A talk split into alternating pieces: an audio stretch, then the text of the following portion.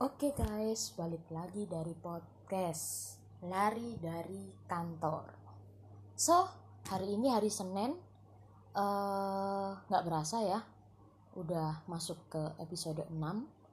Jadi, untuk kali ini, aku mau bahas mengenai eh, sebenarnya penampilan penting nggak sih? Nah, soal penampilan nih. So, eh, kemarin kan memang sempet ya lama nggak update dari tiap Senin sama Jumatnya. Terus eh, jadi sekarang kudu kejar tayang. Meskipun sekarang tanggal merah ya eh, tetap produktif lah ya. Oh ya sebelumnya saya ucapkan minal aidin wal faizin. Eh, mohon maaf lahir dan batin apabila ada kesalahan-kesalahan di podcast podcast sebelumnya. Ada kesalahan kata kalimat yang mungkin eh, bikin para pendengar ini sempat tersinggung atau mengerenyitkan dahi. Ya saya selaku announcer di podcast ini mohon maaf yang sebesar-besarnya. Oke em, so pada dasarnya sih sebenarnya jujur aja nih lagi agak low motivation ya. Karena eh, masih dikit aja ini yang dengerin podcast. Ya emang sih satu sisi eh, aku sendiri jarang promo. Cuman ya satu sisi kayaknya topik-topiknya kurang nendang. Atau mungkin keyword pilihan yang aku bikin kayaknya masih ya intinya masih meraba-raba lah. Cuman nggak ada salahnya sih guys kalau misalnya kalian ngerasa ini bermanfaat podcastnya ya free for share. Terserah teman-teman mau ambil isi semuanya atau apa. Dia saya bikin podcast ini murni buat sharing aja. Jadi kalau misalnya ada teman-teman yang pengen ngambil materinya atau mungkin tertarik ingin kopas langsung aja sikat nggak apa-apa. So kenapa kali ini aku pengen ngebahas tentang hmm, penampilan itu sebenarnya penting nggak sih Eh, jadi satu sisi aku sadar banget kalau topik ini sangat sensitif, sangat sensitif, terutama bagi pemilik badan yang berbeda ukurannya. Eh, ya kayak aku sendiri sih, aku sendiri nggak pernah sih dapat pengalaman eh, abusive dalam artian eh, kayak disinggung soal badan, eh lu gembrot, eh lu apa, lu apa yang kayak gitu-gitu nggak pernah sih nggak tahu ya kalau aku yang nggak ngerasa. Emang sih beberapa ada yang mulutnya usil manggil datdut cuman ya bodo amat lah. Emang lu siapa jadi nggak nggak terlalu aku ambil hati. Nah eh istilahnya banyak banget sih di Indonesia terutama eh, masih terkait sama yang namanya body shaming. Entah itu eh, ngatain dalam bentuk fisik yang gendut lah, keceng lah, pendek lah. Bahkan sorry tuh sih ada yang ngomong ngatain cebol. Itu udah udah udah luar biasa kasarnya gitu loh menurut aku. Syukur-syukur ya kalau yang dikatain itu nggak nggak baper ya. Tapi kalau yang baper tahu-tahu dia istilahnya merasa tertekan berdampak sampai sisi psikologisnya itu bener-bener udah istilahnya udah udah parah banget guys. So uh, di sini aku pengen ngebahas dalam artian dari satu sisi berusaha senetral mungkin. Uh, karena sebenarnya dari ngomong ketika kita ngomongin penampilan muncul berbagai akan memunculkan berbagai macam opini gitu loh. Mulai dari misalnya nih udah pakai baju tertutup nih eh kamu kelihatan gendut loh kalau pakai bajunya kayak orang-orangan sawah eh kamu kayak orang-orangan sawah badanmu kan kecil banget. Kenapa nggak pakai pakai baju yang ukuran besar dan lain sebagainya? Oke netizen netizen itu kayaknya ada aja ya yang dikomentarin kelihatan aja. Jadi sebisa mungkin kita harus balik lagi ke diri kita masing-masing karena itu bukan rule yang tertulis jangan mengolok-ngolok itu itu bukan rule yang tertulis ya kecuali ada di undang-undang hukum pidana ya. Beda lagi. Tapi di satu sisi itu kita tanamkan ke pribadi kita masing-masing. Jangan komentar soal fisik orang lain. Seperti itu. Uh, jadi awal mulanya tiba-tiba ketika saya ketika aku lagi tiduran tiba-tiba uh, keinget film Imperfect. Jadi di sini aku menyadari bahwa pada dasarnya apa pun yang kita tampilkan pada dasarnya kembali kepada kenyamanan diri kita sendiri atau tidak. Ibaratnya mau kamu misalnya suka uh, pakai baju yang warnanya warna-warni atau ngejreng gitu ya. Ya kalau kamu nyaman nggak apa-apa. Tapi kalau kamu nggak nyaman pasti kamu akan merasa risih karena ketika misalnya baju kamu kuning nih atau mungkin hijau spotlight hijau-hijau yang cerah banget hijau stabilo itu pasti kan semua orang mata langsung memandang kepadamu.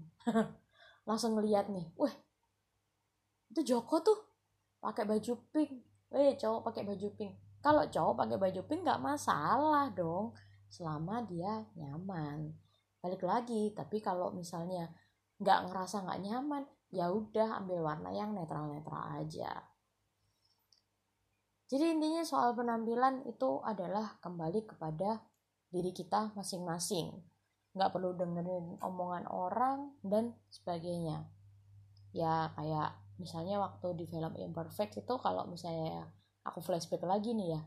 Eh, ketika adegan Rara sama Dika mereka pacaran. Bayang lah ya Dikanya ganteng, Raranya uh, gendut pada waktu itu digambarkannya seperti itu. Jadi saya di mana Rara di sini sering banget dikatain sama temen-temennya. Mulai eh makan mulu gede badan digedein dan lain sebagainya. Ketika Raranya pas ngena di situ kan digambarin ketika Rara pas cuek. Terus ada juga ketika Rara lagi down juga akhirnya cerita sama Dika. Akhirnya Dika ngomong dong ya udahlah nggak apa-apa. Yang penting kan kamu punya aku kamu udah ada aku dan lain sebagainya. It doesn't matter.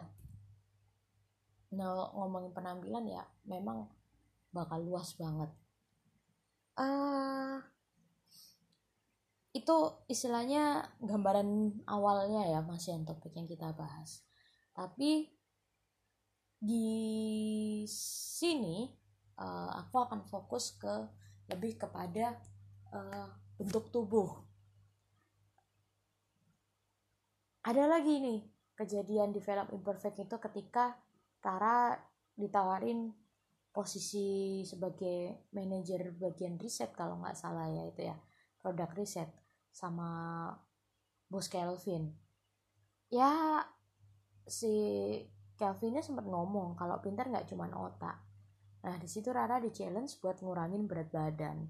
Sampai akhirnya Rara udah bisa kurus, cuman sempet collab gara-gara diet yang dia jalanin serta dia mulai melupakan teman-temannya karena dia mulai diterima nih lingkungan di mana orang-orang yang dulu menghina-hina dia sekarang udah open sama dia meskipun dengan tendensi tertentu.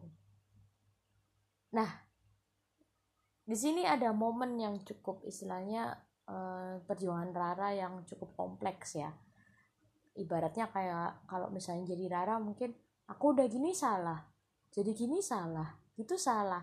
Kayak dia dihadapkan dengan buah si malakama. Itu konflik yang cukup kompleks di film imperfect imperfect. Nah sampai akhirnya dari ketika saya aku ngelihat film imperfect sendiri uh, aku ngerasa dapat insight. Kalau penampilan pada dasarnya emang penting sih. Tapi tetap dikembalikan kepada kenyamanan diri kita.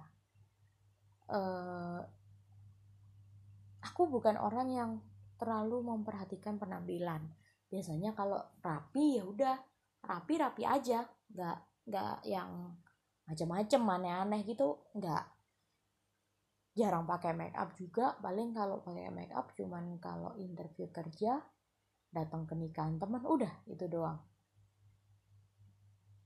uh, nah kalau pengalaman pribadi ya berkaca dengan pengalaman pribadi apa yang terus dari film imperfect itu. Habis ngeliat film Imperfect ini aku ngerasa kayak ketampar abis-abisan. Mulai dari porsi makanku yang cukup banyak biasanya dibilang porsi kuli gitu makannya. Uh, ibarat kata kalau misalnya ngejak aku makan di rumah makan atau resto yang all you can eat uh, ya itu pasti gua puas-puasin dah. Sampai mungkin diliatin sama pegawainya bisa. Bukan bukan soal rakus enggaknya tapi gak tahu. Nafsu makan gede aja. Kayak gitu. Selain itu hmm, terkadang di pekerjaanku itu di emang kudu tampil di depan banyak orang. Misalnya ketika nyampein materi training aku harus pakai pakaian yang formal. Ya mungkin kalau di kantor aku bisa pakai seragam kerja ya. Tapi kalau di luar ketika aku ada side job lagi ngerjain side job yang lain uh,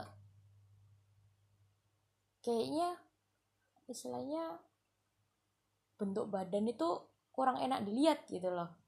Jadi ngerasanya kayak kurang nyaman aja. Terus kalau misalnya pas lagi dokumentasi gitu ya waktu di foto kelihatan bulat gede gitu deh.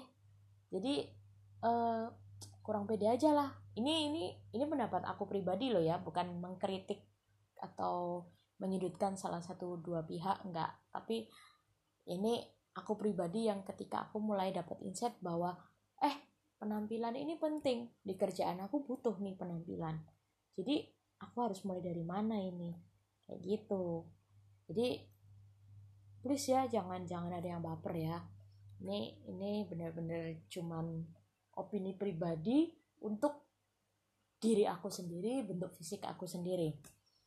Nah, dari situ aku akhirnya ngerasa bahwa penampilan penting loh. Makanya itu uh, pas kebetulan kemarin puasa, ya tepatnya pertengahan puasa lah ya. Pertengahan puasa aku pakai buat ngatur pola makan. Aku pakai buat ngatur istilahnya uh, porsi makan aku jadi lumayan sih dari 96 kilo sekarang udah ada di range antara berat 85 sampai 88 kilo jadi up and downnya mental-mentalnya sekarang udah di range 85 sampai 88 pada dasarnya aku bukan pelaku diet ya. Aku bukan pelaku diet. Jadi uh, tiba-tiba pengen aja nyoba. Selain sadar bahwa penampilan itu penting aku menyadari bahwa buat cewek nyari baju ukuran big size itu susah. Dan sekalinya ada biasanya harganya cukup fantastis alias mahal. Terus uh, musim penyakit covid-19 ini atau virus corona bikin aku apa ya keder lah ya istilahnya. Jadi takutnya sih kalau badan kegendutan aku gampang capek terus akhirnya imunku menurun. Jadi ya nggak nggak ada salahnya lah ya mencoba untuk mulai hidup sehat. Hidup sehat meskipun masih dalam ala kadar ala ala anak kos. Karena uh, kalau hidup sehat benar-benar murni hidup sehat oh biaya makan bisa kayaknya fantastis banget itu. Buat beli bahan-bahan organik dan lain sebagainya. Bisa-bisa gue nanam sendiri nih. Tanaman hidroponik gitu. Jadi uh, aku sendiri biasanya diet itu dilakukan secara alami. Intinya aku nyaman menjalani programku sendiri dan bahagia. Jadi nggak ada beban apa pun. Yang penting adalah tetap loving myself.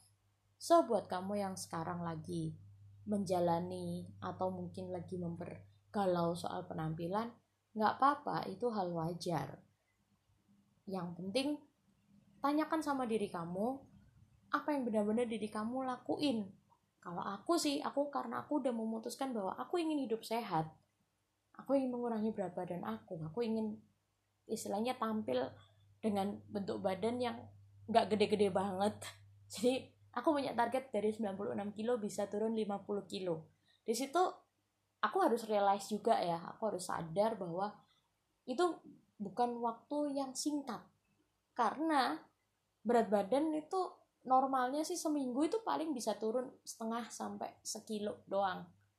Kalau bisa lebih ya syukur kalau enggak ya udah nggak apa-apa. Yang penting istilahnya uh, kita happy kita jalanin dengan atas dorongan pribadi dan gak ada paksaan gak ada beban ya nanti itu akan tercapai dengan sendirinya sih selama konsisten. Nah ngomong-ngomong soal jalanin program diet uh, aku sendiri sedang nulis buku. Nggak tahu nanti bakal bakal jadi ebook atau ebook yang aku bagiin secara gratis atau donasi sukarela atau aku masukin ke penerbit masih masih belum ngerti. Yang intinya sebenarnya buku tersebut adalah jurnal jurnal jurnal pribadi aku dari program diet yang aku jalani. Istilahnya aku ngasih nama sih happy diet. Karena aku nggak nggak membatasin dalam artian misalnya hari ini aku pengen makan sate ya udah aku makan aja hari ini aku pengen makan seblak. Hari ini aku pengen makan steak. Hari ini aku pengen makan rujak. Hari ini aku pengen makan boba. Eh pengen minum boba sorry. Pengen minum boba. Hari ini aku pengen makan foyang he sama nasi goreng. Ya udah makan aja. It means di sini aku aku sadar. Pernah dulu ketika aku diet aku mencoba untuk benar-benar membatasi makanan yang aku butuhkan. Jadi dampaknya adalah aku kayak orang kalap waktu uh, istilahnya waktu aku lama nggak makan makanan itu. Misalnya nih ngeliat wah lama nggak makan nasi goreng udah puasa nasi goreng dua bulan nih. Wih gue liat nasi goreng. Bisa habis tuh dua porsi. Gila apa? Namanya perut elastis banget ya ukurannya. Jadi ya makanan seporsi gede apa bisa masuk banget itu ke perut jadi ya makanya uh, nanti di situ uh, mungkin akan aku terbitin sekitar tiga bulan lagi 3 sampai 6 bulan lagi. Jadi intinya itu jurnal pribadi, fungsinya buat kontrol, siapa tahu bisa menginspirasi teman-teman juga. Uh, gak ada tendensi apa-apa karena sebagian nanti dari fee seandainya saya mematok untuk biaya tersebut karena pandemi ini juga nggak ngerti ya sampai kapan nanti mungkin akan ada sebagian fee yang aku masukin untuk donasi. Entah itu nanti akan ada kejadian apa ataukah untuk COVID-19 atau apa yang jelas untuk donasi. Seperti itu.